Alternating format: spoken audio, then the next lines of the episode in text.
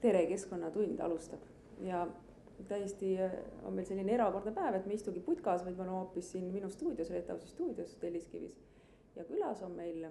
mitte ainult üks, vaid suisa kaks inimest. Harri Moora, tere. tervist. ja külas on meil ka Jaak Sooäär, kes äh, kutsub ennast siis sõbralikult äh, mahekitarristiks ja, ja on meiega siin selle tunni vältel. aga meie tänane plaan on luua üks plaan, mis on mõeldud Eestile ja, ja, ja, ja saab kokku pandud siis selleks, et äh, tekstiilijäätmed kuidagi ringlusse võtta. selleks, et me saaks hakata seda ühest otsast arutama, tuleks kõigepealt siis aru saada, milles on probleem. et äh, miks siis need tekstiilijäätmed on osutunud nii keeruliseks ja segaseks probleemiks ja, ja miks meil üldse lahendust on vaja, et äh, Euroopa Liidus äh, kogutakse kokku kakskümmend viis protsenti esmakordselt siis noh, kasutuse lõpetanud rõivastest ja sellest väidetavalt ainult üks protsent läheb ümbertöötlusesse, aga mis olukord on Eestis, Harri? jah, et äh, hea meel on tõdeda, et me siin äh, paar aastat tagasi, eelmisel aastal just lõpetasime ühe väikese,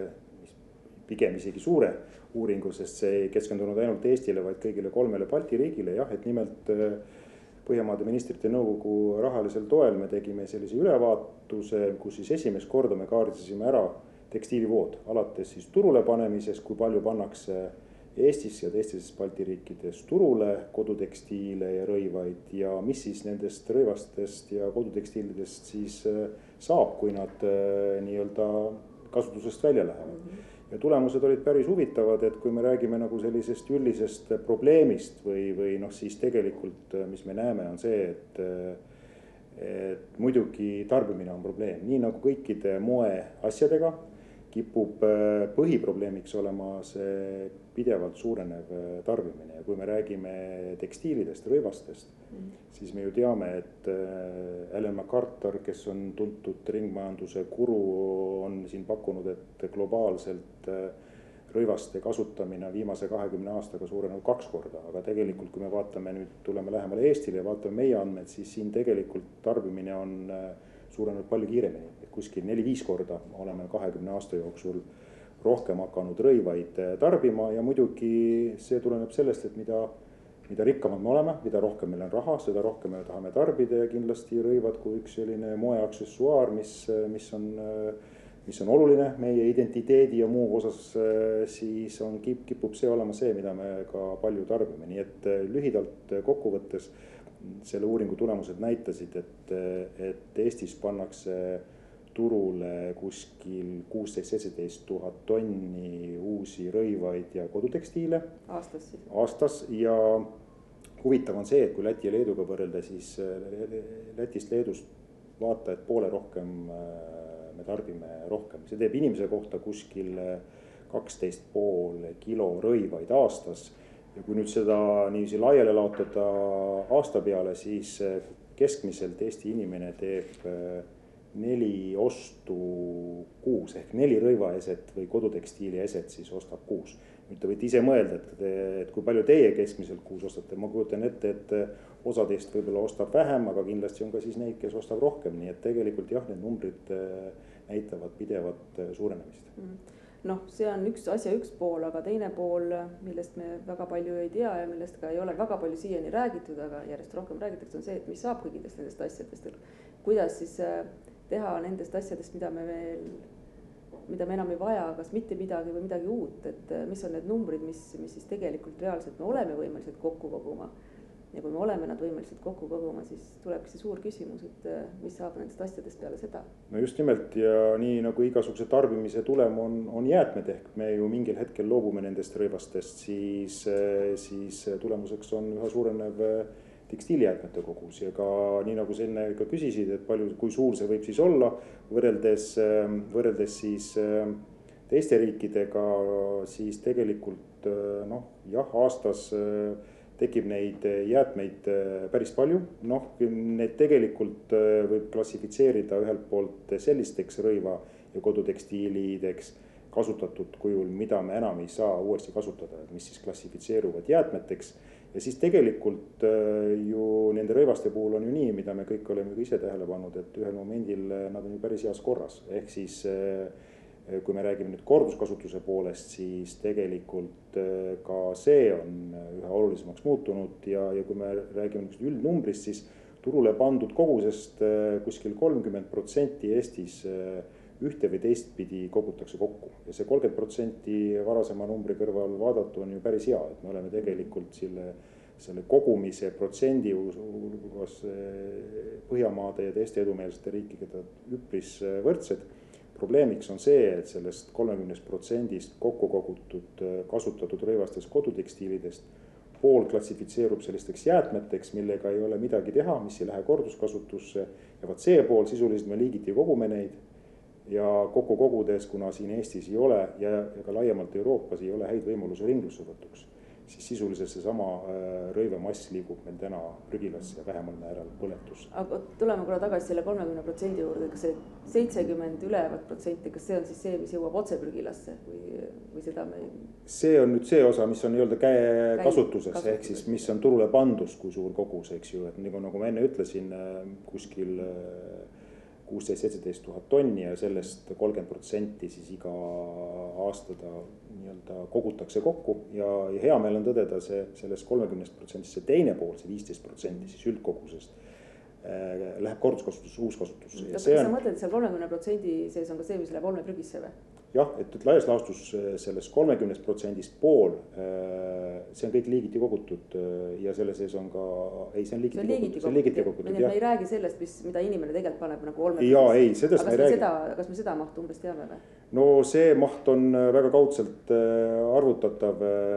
noh, ütleme kuskil viis protsenti ümmarguselt segaolmejäätmetest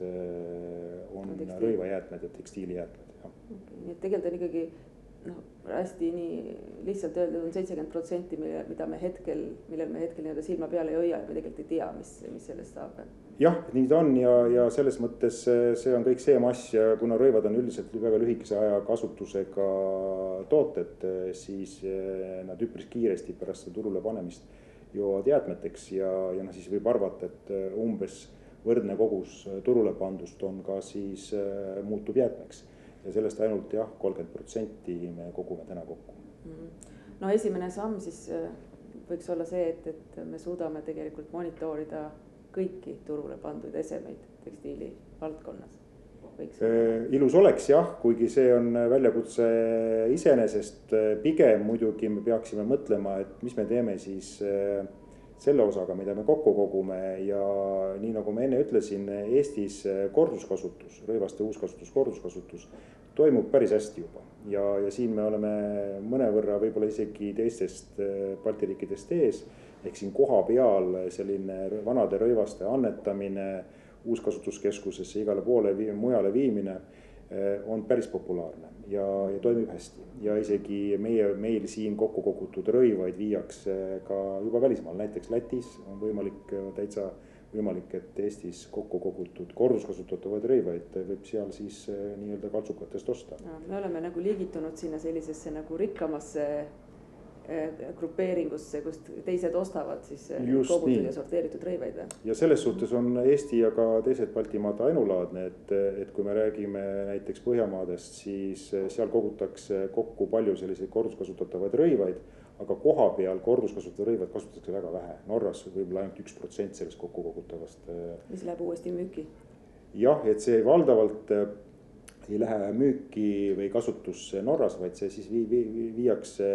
Euroopa suurtesse sortimiskeskustesse mm. -hmm. ja nii nagu me teame, on eh, nii Eestis kui ka Leedus ja Leedus on kõige suurem, on Humana suur sortimiskeskus, mis tegelikult eh, sordib suurema osa eh, vähemasti siin Kesk- ja Põhja-Euroopas kokku kogutud korduskasutatavatest rõivastest. mõnes mõttes Balti riigid on muutunud selliseks äh, noh, kas nüüd võib öelda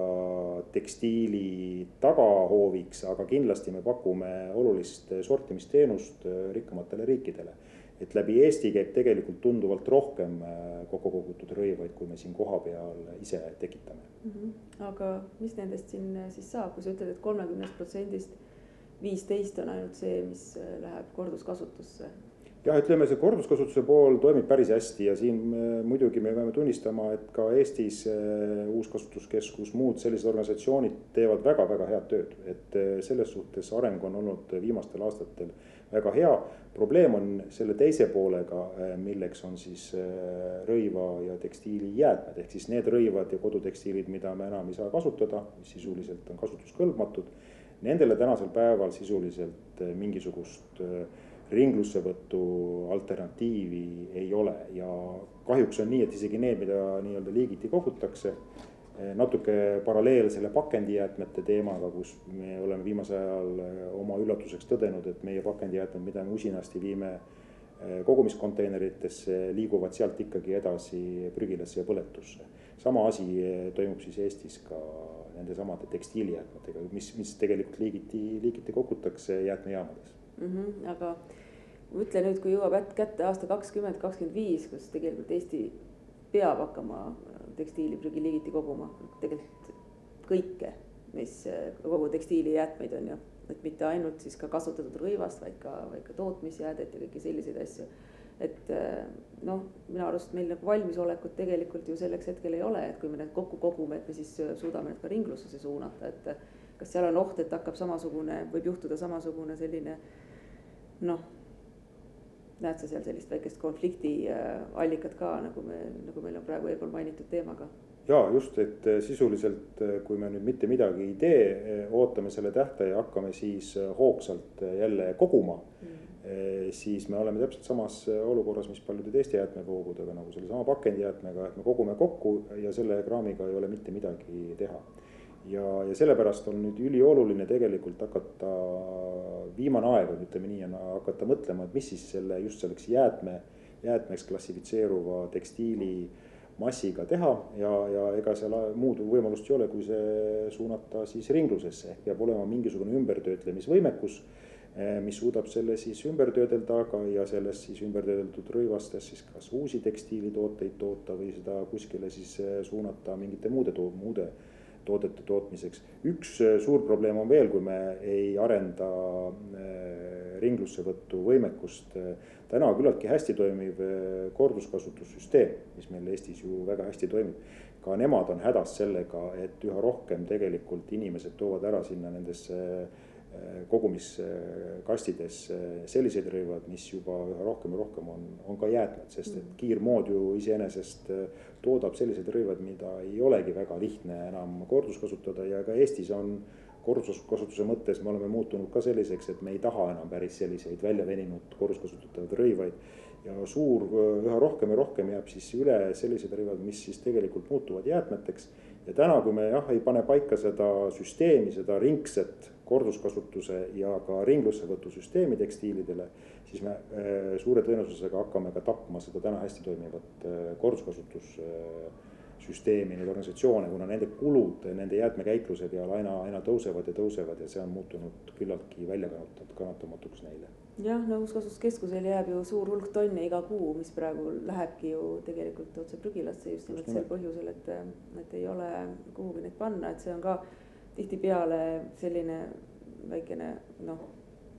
fakti, fakt, mida inimesed ei tea, et, et ei ole nagu seda, seda kohta tegelikult, kuhu oma vanad teksapüksid viia, et nendest midagi uut äh, sünniks, et äh, me elame nagu kuidagi sellises äh, arusaamas, et kindlasti kuskil keegi neid vajab, aga tegelikult on ju olukord, kus väga ammu juba noh, me oleme elanud selliselt, et neid vajajaid tegelikult nii palju pole enam, et aga mis korra enne, kui me läheme tagasi, tuleme tagasi Eesti juurde, korra vaataks nagu suuremat pilti, et. et kuidas need äh, kasutatud rõivaste vood maailmas üldse liiguvad, kas sa seda ka tead, et, et mida teeb näiteks Ameerika või mida teeb siis Euroopa äh, noh, kõikide nende ülejääkidega, sest kõike ju nad tõenäoliselt oma prügilatesse ja põletitesse ka ei lükka just nimelt, et tegelikult iga nüüd arenenud riigud, riigid liiguvad ju sinna suunas, et, et oleks vaja need äh, kasutatud rõivad kokku koguda ja Euroopas, nii nagu sa juba ise selle protsendi mainisid, küllaltki kõrge protsent, mida liigiti kogutakse. ja tegelikult nüüd ongi tekkinud probleem just sellesama asjaga, et needsamad rikkamad riigid, nii nagu ma näitena tõin, Põhjamaad ise kokku kogutud nendest korduskasutatavatest rõivastest isegi. isegi nendest nad kasutavad ainult mõned protsendid ära koha peal, et valdav osa otsib siis ikkagi seda kasutuskohta väljaspool Euroopat ja varasemalt on olnud põhisihtkohaks Aafrika, kuhu siis eh, need madalama kvaliteediga korduskasutatavad rõivad on liikunud, aga seal on see tekitanud suurt jama, kui nii võib öelda. on tapnud ära kohaliku tekstiilitööstuse, on üle ujutanud kogu selle nii-öelda turu odavate rõivastega ja ega tegelikult osa neist kipub ka seal kohe otse kohalikku nii-öelda prügilasse või niisama teeserva lendama, et me oleme väga palju kasutanud kolmandaid riike, kuhu seda siis saata, Aafrika on reageerinud sellele, vähemasti paljud riigid on reageerinud nii, et nad enam ei luba oma turule Euroopa kasutatud rõivaid ja, ja nii see voog otsib endale uut kohta. viimasel ajal hästi palju liigub Ida-Euroopasse, Ukrainasse, Valgevenesse aga noh, selge see, et, et see ei ole lahendus, me peame ikkagi leidma lahenduse koha peal. ehk siis Euroopas tekkivad rõivad peaksid saama korduskasutatud ja ümbertöödeldud ikkagi siin Euroopas mm. aga Aafrika ei võta vastu enam või? suur osa riike ja Aafrika riike on tänaseks äh, keelustanud äh, sellises suuremas koguses äh, isegi korduskasutatavate mm -hmm. rõivaste sisseveo, nii et. Pakistan Pakistan suure tekstiilitööstusega seda lubab ja Pakistani liigub väga palju ka lausa jäätmetena klassifitseeritavaid kokku kogutud rõivaid. mis seal nüüd edasi juhtub nendes Aasia riikides, seda me jällegi täpselt ei tea. et ega ei ole ju päris suurt kindlust, et ikka nad seal ümber töödeldakse, võib vabalt olla, et see on teatud nii-öelda äriskeem mm -hmm. ja nad kus, kuskile lihtsalt kaovad, eks ju, ja selles mõttes igal juhul selline selline globaalsel tasandil nende voogude liigutamine ühest kohast teise ei ole jätkusuutlik. Mhm, okei, aga noh, tuleme tagasi Euroopasse, tuleme tagasi Eestisse. et see kolm, kolmekümnest protsendist pool, mida meie siin Eestis siis nende rõivastega teha saaksime? jah, et kolmekümnest protsendist pool täna juba liigiti kogutakse ja nii nagu me eh, ka aru saime, tegelikult kogu see muu mass liigub täna lihtsalt siis prügikasti ja nii nagu sa enne ka ütlesid aastal kaks tuhat kakskümmend viis peaks hakkama siis suuremas mahus kogu seda kremplit kokku koguma, suure tõenäosusega tulevad ka sihtarvud. ehk siis see kokku kogutav mass äh, kindlasti suureneb. Mis me sellega edasi hakkame, see on hea küsimus ja selle, sellele, selle, sellele, seda küsimust me peaksimegi nüüd valjusti küsima ja hea meel on tõdeda ka seda, et me siin sellesama uuringu raames siis äh, Äh, pakkusime välja ka teatud soovitused, et mida peaks nüüd erinevad osapooled eesotsas riigiga hakkama kohe tegema, sest et kui me muu jäätmekäitluse stiilis jätame kogu selle otsustamise viimasele minutile, siis suure tõenäosusega me oleme suures hädas mm. -hmm aga noh, meil on kaks võimalust seda vaadata, on ju, et, et üks võimalus on nii vaat-, hakata otsima, et kes vastutab jah, et tegelikult tuleb see teha kompleksselt, nii nagu sa enne lubasid, et, et me kahekesi siin äh, tunni aja jooksul paneme plaani paika. noh, ma pigem me proovime siin anda esimese sellise sissevaate ja mõned soovitused. Äh, plaani peaks kokku panema ikkagi kõik äh, osapooled, kes selle ringse tekstiilisüsteemiga seotud on. ja nii nagu ma enne ütlesin, muidugi riigil on oluline ja ülioluline koht panna paika õiguslik raamistik, eesmärgid ja täpsustada just needsamad vastutused. Mm, muu jäätmekäitluse taustal, miks, miks meil on probleemid pakendivaldkonnas ja mujal, on ikkagi see, et meil ei ole nendes jäätmekäitluse valdkonnas paika pandud konkreetseid vastutusi, kes mida teeb, kes on mille eest vastutav ja laias laastus äh, on äh, ka tekstiilijäätmete valdkonnas äh, kaks sihukest suuremat vastutavat osapoolt. muidugi esimene ja kõige olulisem tootjad ehk siis need, kes panevad tekstiile ja, ja, ja rõivaid turule mm. -hmm. Eesti mõistes äh, on siin muidugi ka tootmisettevõtted, aga valdav osa neist on ikkagi kaubandusettevõtted. ehk nemad on siis number üks vastutajad, nemad peaksid siis tagama selle, et nende poolt turule pandud rõivaid kokku kogutakse ja ka ringlusse suunatakse. Ja kuna rõivad ikkagi klassifitseeruvad nagu olmejäätmete alla, siis, siis on teine oluline osapool on omavalitsused, kes kindlasti keskselt muude jäätmete kogumise süsteemi arendamisel peaks siin õla alla panema ja, ja kaasa aitama. ja, ja siis tulevad muidugi need, kes siis võiksid pakkuda neid äh, ringlussevõtu ja ümbertöötlemislahendusi, keda Eestis täna sisuliselt ei ole. Ja see, kogu see sektor vajaks äh, ülesehitamist ja kõige lõpus muidugi me kõik äh, tavakodanikena, kes igapäevaselt siis rõivaid kodutekstiile kasutame ja kes siis ühel momendil äh, ei taha neid enam kasutada, tahaksime selle kuskile sokutada, me peame siis nüüd panema sinna, et nad, äh, me peaksime tagama selle, et meie rõivad siis liiguksid äh, ringlusesse mm. -hmm. aga teeme natuke muusikat vahepeal, Jaak, sobib sulle või? muidugi. Davai, ja siis räägime edasi mm. -hmm.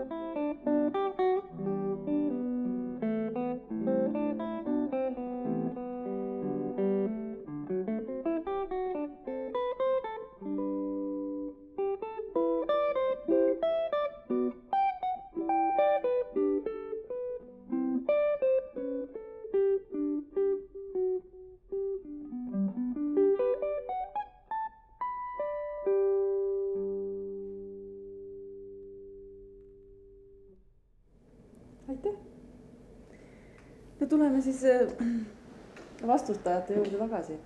Ähm,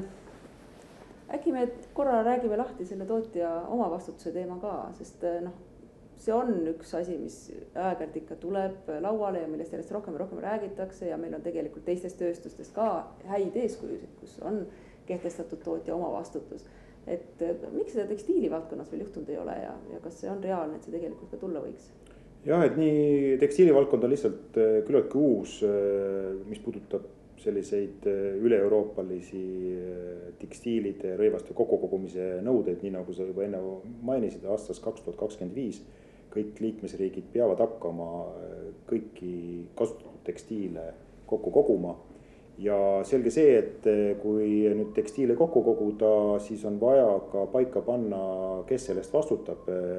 puhtalt juba sellepärast, kuidas see kogumissüsteem, kes selle kogumissüsteemi nii-öelda loob. ja kõige olulisem, kes selle kokkukogumise ja ringluse eest siis ka maksab, ehk siis finantseerimise skeem ja tekstiilijäätmed on tõesti selline jäätmevoog mis on keeruline, väga raskesti ringlusse võetav, see on ka üks põhjus, miks ei ole häid tehnoloogiaid ja lahendusi täna. ja see on küllaltki kallis ja kogu see kulu, selle peab keegi kinni maksma et tavaliselt äh, varasemalt on siis äh, erinevate jäätmevoogude puhul äh, rakendatud seda niinimetatud tootjavastutuse põhimõtet, näiteks pakendi kogumine Eestis. paljud seda võib-olla ei teagi, on ka tootjavastutuse põhimõttel toimiv, ehk siis need, kes siis pakendatud tooteid turule panevad, need ettevõtted peaksid siis selle kokkukogumise nii-öelda kinni maksma ja finantseerima seda süsteemi ja sama lahendus siis on ka välja pakutud ja Euroopa Komisjoni tasemel, tasemel lausa, et, et et võiks siis ka tekstiilide ja rõivaste puhul kasutada tootja vastutuse mehhanismi, skeemi. ja Euroopas seda siiamaani on teinud Prantsusmaa ainukesena, kes on täies mahus teinud. ühe aasta vist on ju tegelikult nagu selline laiem tootja vastutus on neil juba kümme aastat kehtib ja jah, ja nad lihtsalt see, et nad teatud kohustus ka kõik ringlusse võtta, seal on mm. üle kümne aasta on toiminud see seal juba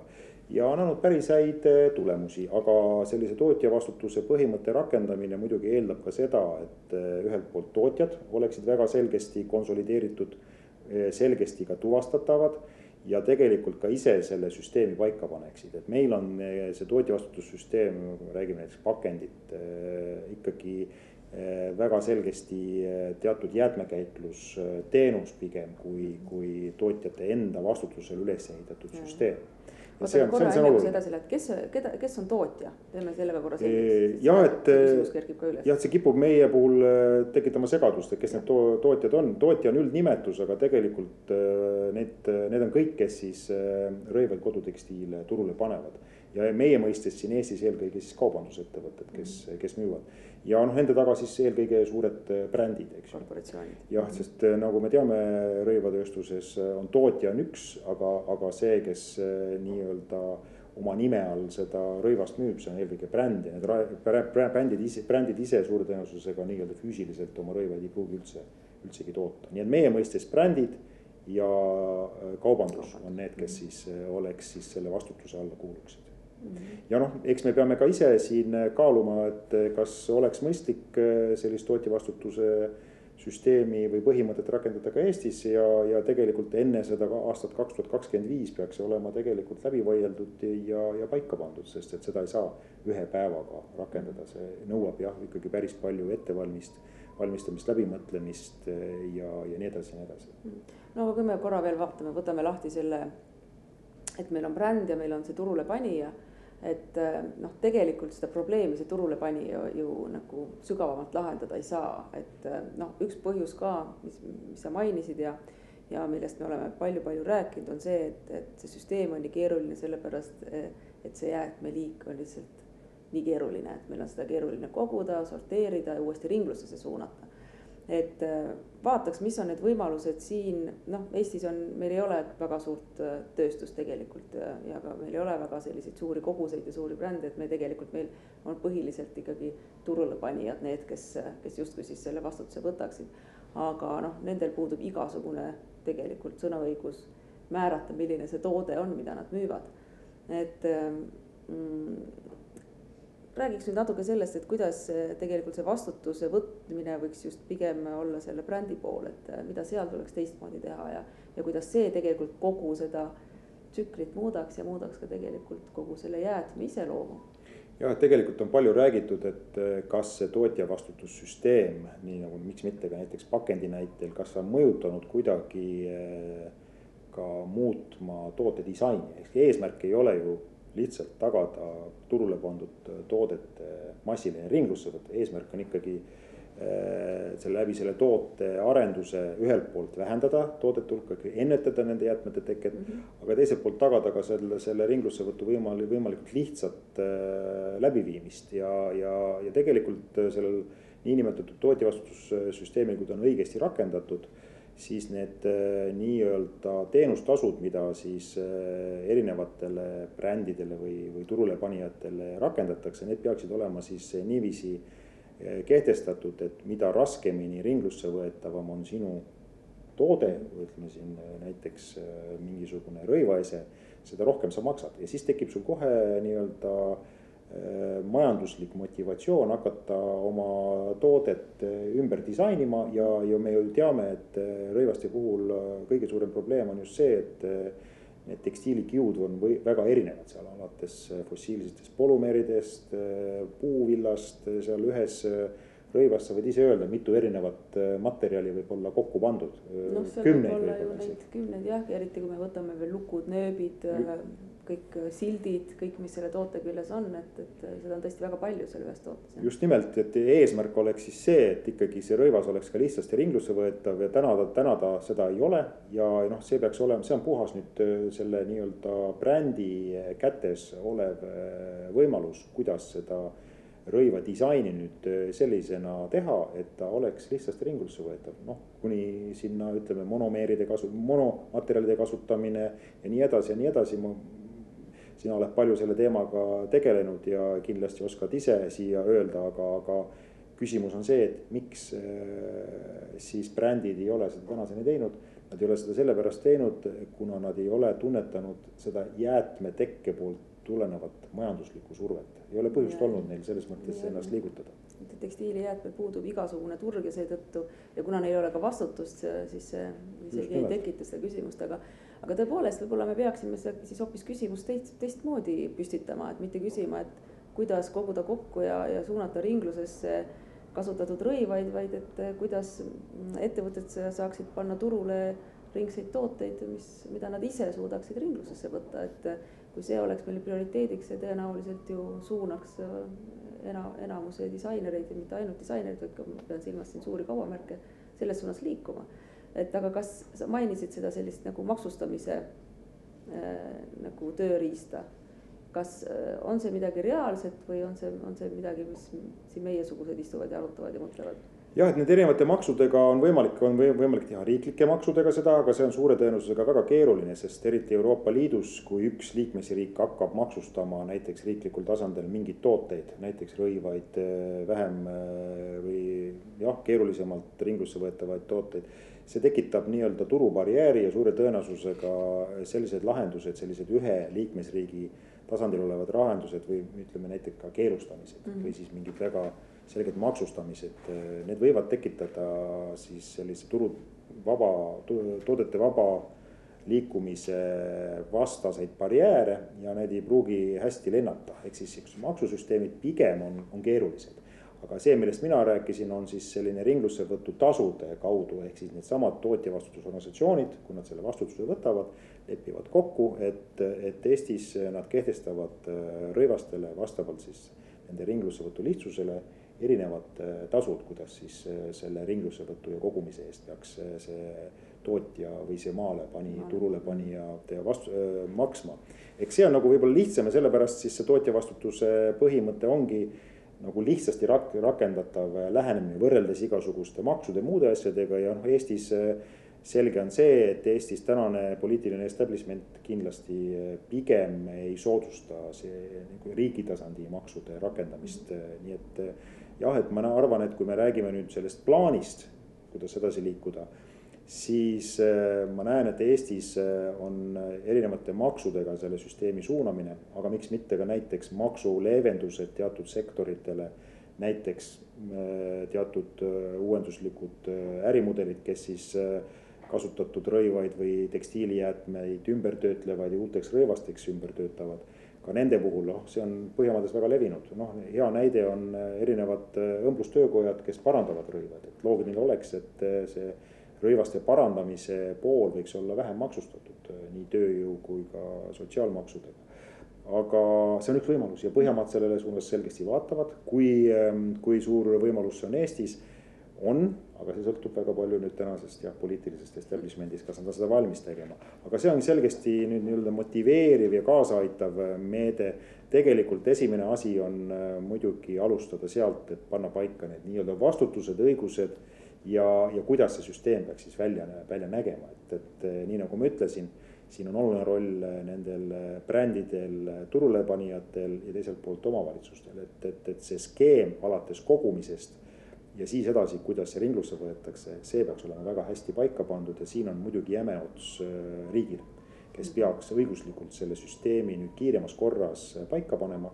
sealhulgas äh, sätestama väga selged eesmärgid, sest ilma eesmärgideta me ei saa nagu sellise strateegilise tegevusena seda asja. aga mis on meie eesmärgid? noh, ühelt poolt on hea, et me oleme Euroopa Liidus, et siin niisugune rehepaplus väga palju ei aita, et Euroopa Liit paneb meile suure tõenäosusega aastaks kaks tuhat kakskümmend viis on meil peale selle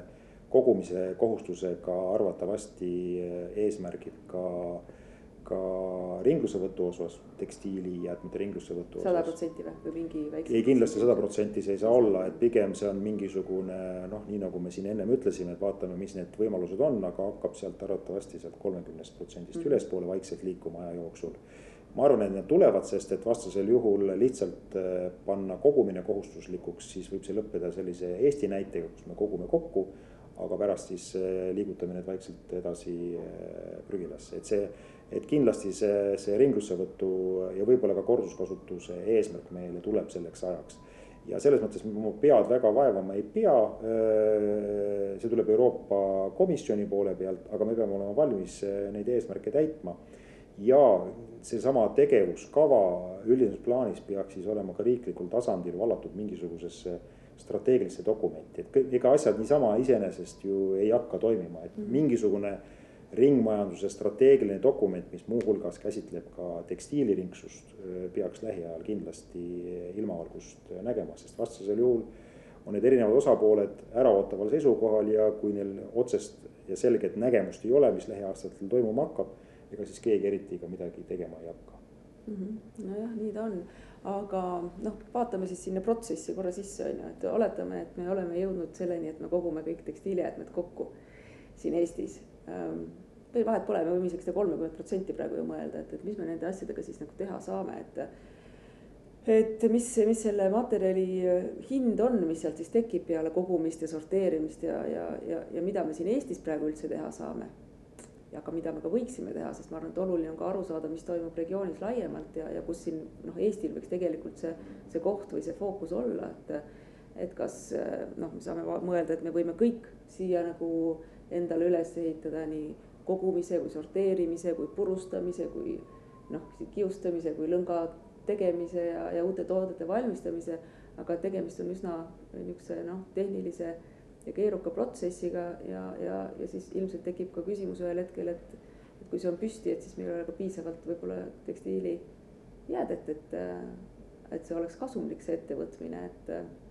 et mis sa arvad, kus Eesti fookus siin olla võiks? Jah, et sõnasabast kinni haarates Eesti probleem on see, et meil on liiga vähe jäätmeid. Et äh, majanduslikult tõhusate süsteemide käitamiseks on meil liiga vähe jäätmeid, see võib mõnele kostuda üllatuslikult, aga, aga ma kujutan ette, et, et, et sa nõustud sellega, kui sa vaatad maailma mastaabis, eks ju. kuida-, millised sellised ümbertöötlustehased ja tehnoloogilised lahendused, mis on need mahud, need peavad olema küllaltki suured, et neid nii päris põlve otsas teha on, on väga keeruline aga kindlasti see on selle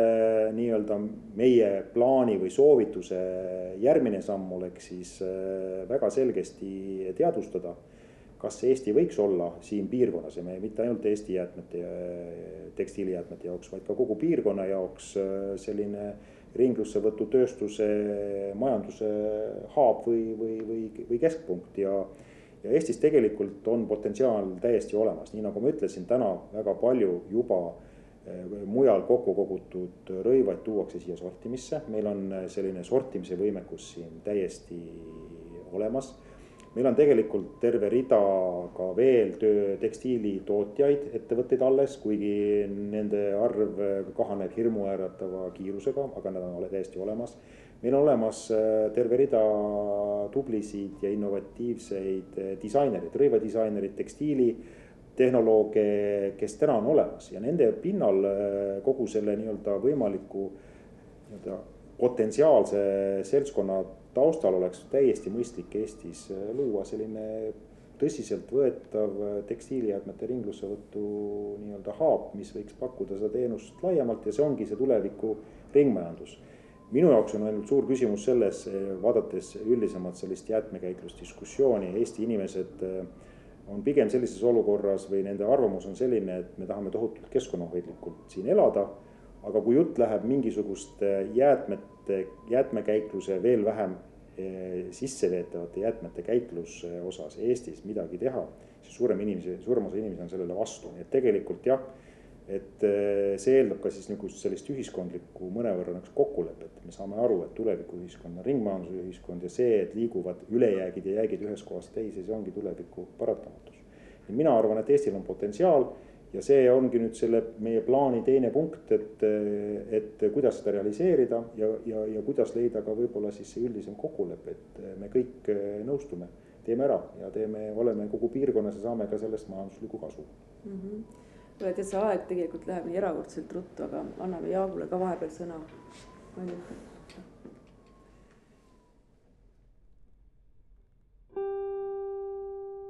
Música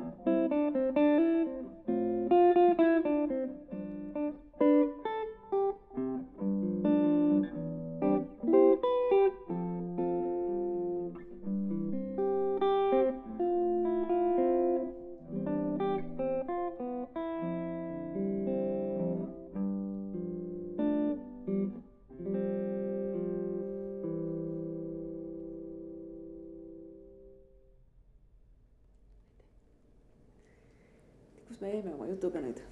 no me jäime kõige põneva, põnevama koha juurde, et, et, et kuidas nüüd siis realiseerida seda suurt plaani, mis Eestil võiks olla siin äh, lä- lähikümnendil ja, ja, ja me teame, et tegelikult ka Euroopa Komisjon on ette näinud äh, sellise ringmajanduse ja süsinikuneutraalse majanduse arendamist ja meil on ka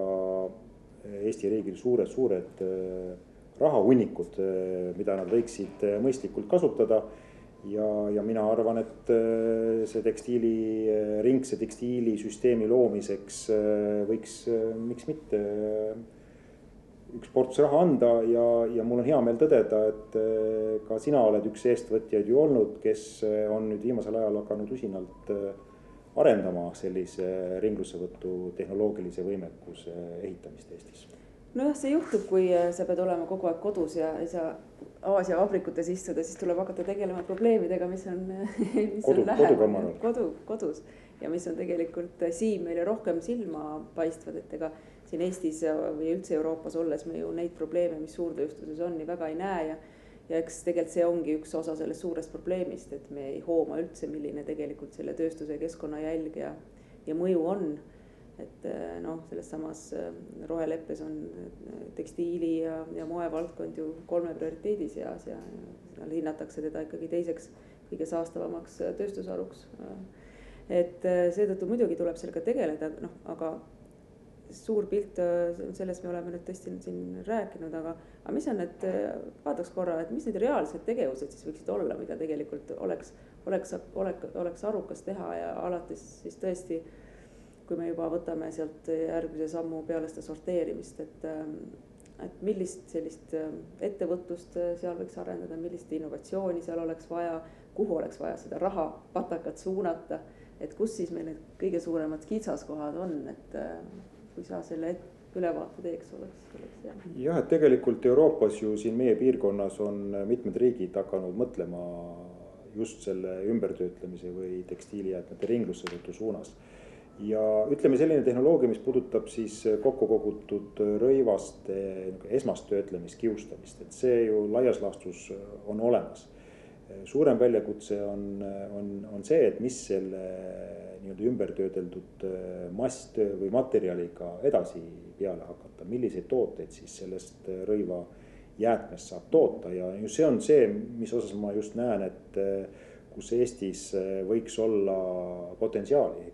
innovaatilised ideed, ideed, et siis kompleksselt alates siis sortimisest, aga edasi liikudes siis sellise esmase töötlemise, mehaanilise töötlemiseni ja kuni siis sinnamaani välja, et pakkuda ka kohe võimalikud lahendused erinevate tootearendusnäidete puhul mis siis selle ümbertöötatud tekstiilimassist võiks teha. Ja noh, siinsamas me ju näeme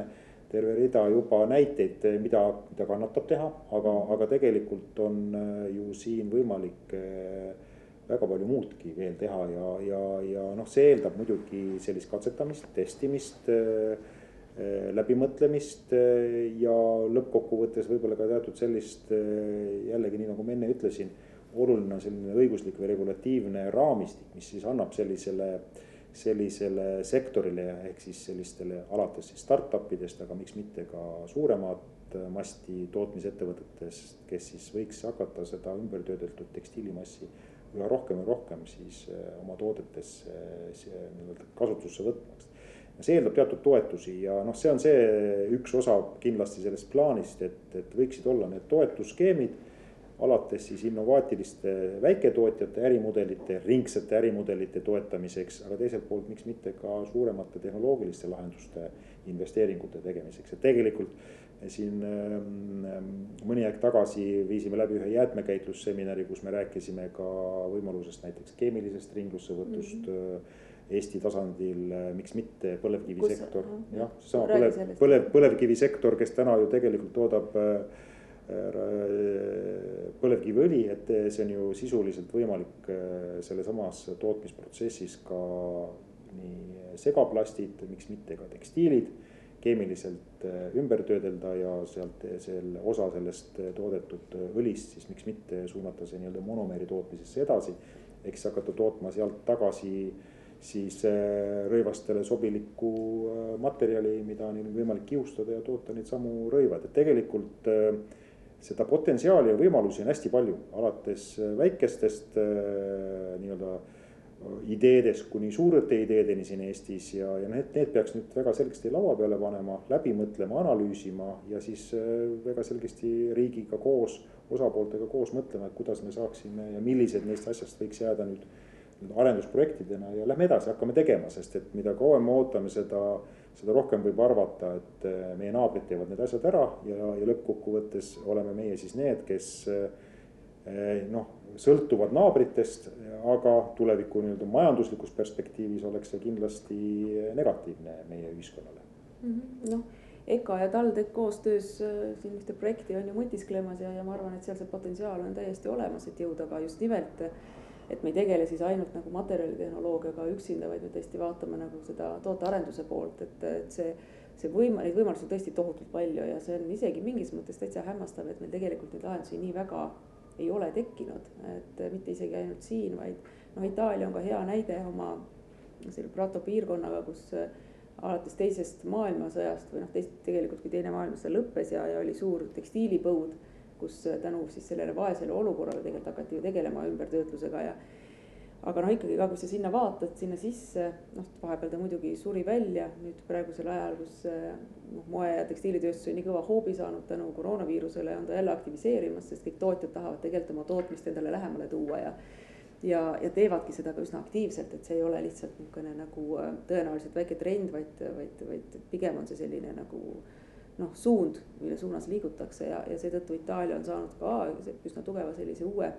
uue hoo, aga ikkagi, kui sa vaatad, siis ta on ka ikkagi sektoriteks jaotatud, et üks on selline, kes purustab, teine seal keskendub siis äh, sellele lõnga ja niidi valmistamisele ja, ja kolmas siis omakorda noh, toodete valmistamisele, aga noh, loomulikult seal me räägime ikkagi puhtalt ja puhtalt nagu rõivastele suunatud tegevusest, noh, meiegi oleme oma kaubamärgi all ju seda Itaalias toodetud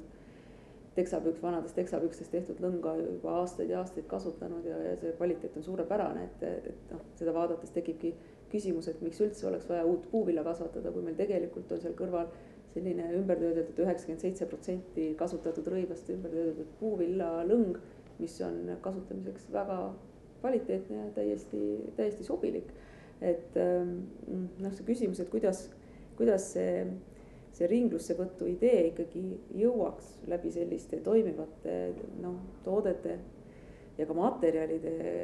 ikkagi suurettevõtjate, suure, suurettevõteteni, see on, ma arvan, see niisugune, seal on see suur sihuke auk seal vahel. jah, et see on, eks see on selles majandusmudelis ja, ja, ja ütleme rahas kinni, ehk senikaua, kui on tänane nii-öelda lineaar, lineaarne või kiirmoe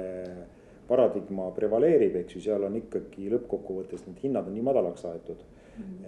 Siis on väga raske seda tarbijat murda või tema nii-öelda harjumusi muuta.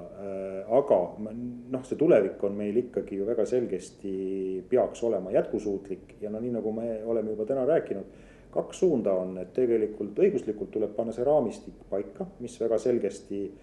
paneb kohustused need vastutused, millest me ju täna seda juttu alustasime, kui neid vastutusi ei ole, siis kõik kipuvad tegema ikkagi seda nii-öelda lineaarset majandusmudelit mm. ja võimalikult odavat. et kui panna vastutused ja kohustused neile peale, nendele osapooltele, siis on, siis nad peavad hakkama äh, mõtlema teistmoodi ja siis tekib ka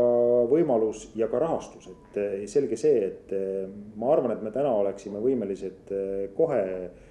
mingi portsu äh, tekstiili ära kiustama siin Eestis ja võib-olla ka mõned tooted tegema, aga neid sa lihtsalt ei ole täna suuteline maksma, sest et need kulud iseenesest on äh, liiga suured, et seda väga suures mahus selliseid tooteid müüa, eks sa ise ka siinsamas äh, oma poes ju näed, et see sihtrühm on siiski veel küllaltki kitsas. aga siia süsteemi tuleb siis raha väljaspoolt tuua ja noh, seesama tootja vastutuse Äh, mudel, millest me rääkisime, ehk siis kogu selle süsteemi erinevate etappide alates kogumisest, äh, eeltöötlemisest äh, kuni tootevalmistuseni vajavad teatud lisarahavoogusid. ja need lõpuks muidugi tulevad meie taskust, see on selge, aga need ei tule mitte siis enam selle sinu poest siin kohalikult, see on võib-olla liiga, liiga, liiga suur nii-öelda koht või ütleme, et, et hakata nii-öelda jätkusuutlike toodet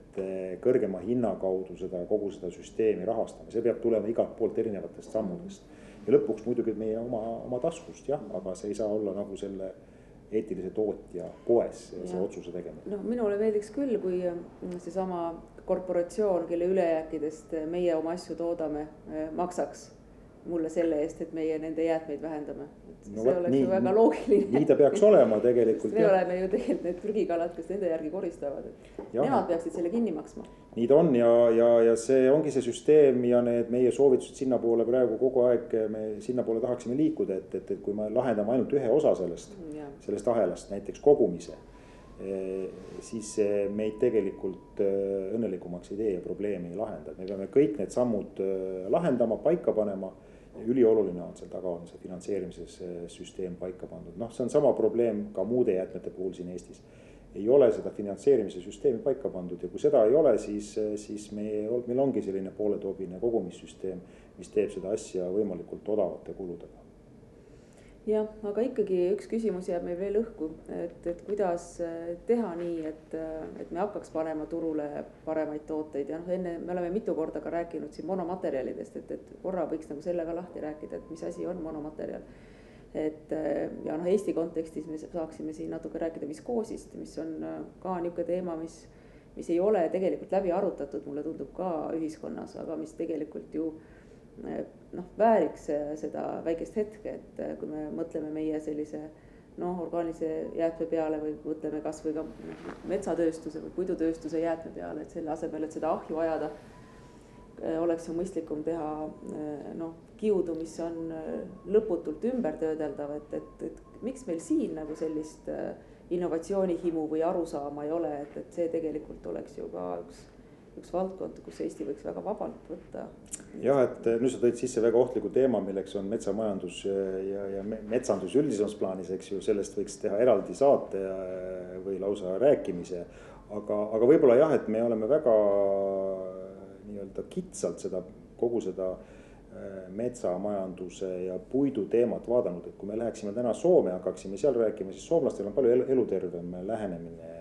kogu oma metsa ja metsatööstuse osas. jah, selge see, et liigirikkus ja looduskaitse on oluline, aga tegelikult eh, need variandid, mida me, mida puit eh, pakub eh, tulevikus ja ka täna juba tegelikult me ju oleme palju kuulnud, Soomes on väga populaarne tuua seda näidet, et presidendi proua tuli, eks ju, puidust kleidiga oli see siis nende aastapäeva vastuvõtule. vastuvõtule, tegelikult paljud, kes seda toovad. kasehalust ja Kase Halus, kes seda tegelikult näitena toovad ju, unustavad võib-olla ära, et see kogu see asi põhineb sellel samal tselluloosil, tselluloositööstusel, mida me siia Eestisse ju kuidagi ei taha näha, ehk siis jah, et täna võideldes tselluloositehase vastu, mille üks nii-öelda väljundeid pidi olemagi äh, siis äh, sellest tselluloosist nii-öelda viskoosi tootmine mm. -hmm. ja nii nagu sa ütlesid, see viskoos saab suure tõenäosusega olema tulevikumaterjal, mis hakkab tegelikult siis asendama fossiilseid polümere ehk siis, ehk siis viskoos suure tõenäosusega saab olema üheks põhiliseks materjaliks tekstiilitööstuses ja ta on tõesti nagu äh, soomlaste, rootslaste mm, uuringud näitavad, võimalik seda lõputult äh, ümber töödelda. ta on looduspõhine materjal äh, ja ta on, oleks, oleks kohalik, et me siis saaksime rääkida palju suuremast ja palju laiemast ringsest süsteemist, ala, ala, ala, ala, alustades siis võib-olla tõesti sellest kasepuust ja lõpetame lõpuks siis miks mitte sinu mingi ägeda tootega, me paneksime kogu, kogu selle ahela paika ja saaksime kogu selle asja ära lahendada siin Eestis või siis siin lähipiirkonnas ja me ei peaks üldse mõtlema mingisugustele globaalsetele tarneahelatele, mis siis tänasel päeval siin Covidi keskkonnas tegelikult tõesti, nagu me näeme, on probleemsed. üks laev võib panna, eks ju, nässu kogu maailma majanduse, noh, see on nüüd jah, paneb natukene kummastama, enne vanasti räägiti, et üks liblika tiiva liigutus võib muuta maailma aga nii ta on globaalses maailmas, et, et, et selles mõttes potentsiaali Eestis oleks teha täielikult otsast lõpuni lahendus. nüüd on jällegi see meie oma kätes ja ega siin muud ei ole, siin peab palju-palju selgitama inimestele, ma arvan, et inimesed, kui nad saavad aru asjadest ja kui seda tehtaks mõistlikult. ma arvan, et väga paljud inimesed oleks selle poolt, et, et me võiksime siin Eestis teha unikaalse ringse majandussüsteemi ja miks mitte tekstiili valdkonnas me võiksime olla just need, kes siis seda innovatsiooni globaalsel tasandil äh, juhivad. ja loomulikult äh, absoluutselt, kas me nüüd äh, jõudsime enam-vähem vist kõik asjad läbi rääkida, mis me tahtsime, et meie aeg hakkab läbi saama, et kuidagi alati tundub, et midagi jääb rääkimata, aga eks me siis jätkame järgmisel korral. aitäh, Harri, et sa tulid ja, ja väga-väga suur aitäh, Jaak, sinulegi, et sa meiega istusid siin niimoodi, aitäh ja meil jäid osapunkte jäid rääkimata, aga me saame veel siis neid, seda plaani jätkata, nii et äh, plaan on meil täiesti olemas ja mul on väga hea meel, kui me selle plaani saaksime ka nendele erinevatele osapooltele siis ilusasti nii-öelda maha müüdud. et tõesti, tõesti asjad hakkasid, hakkaksid realiseeruma. aitäh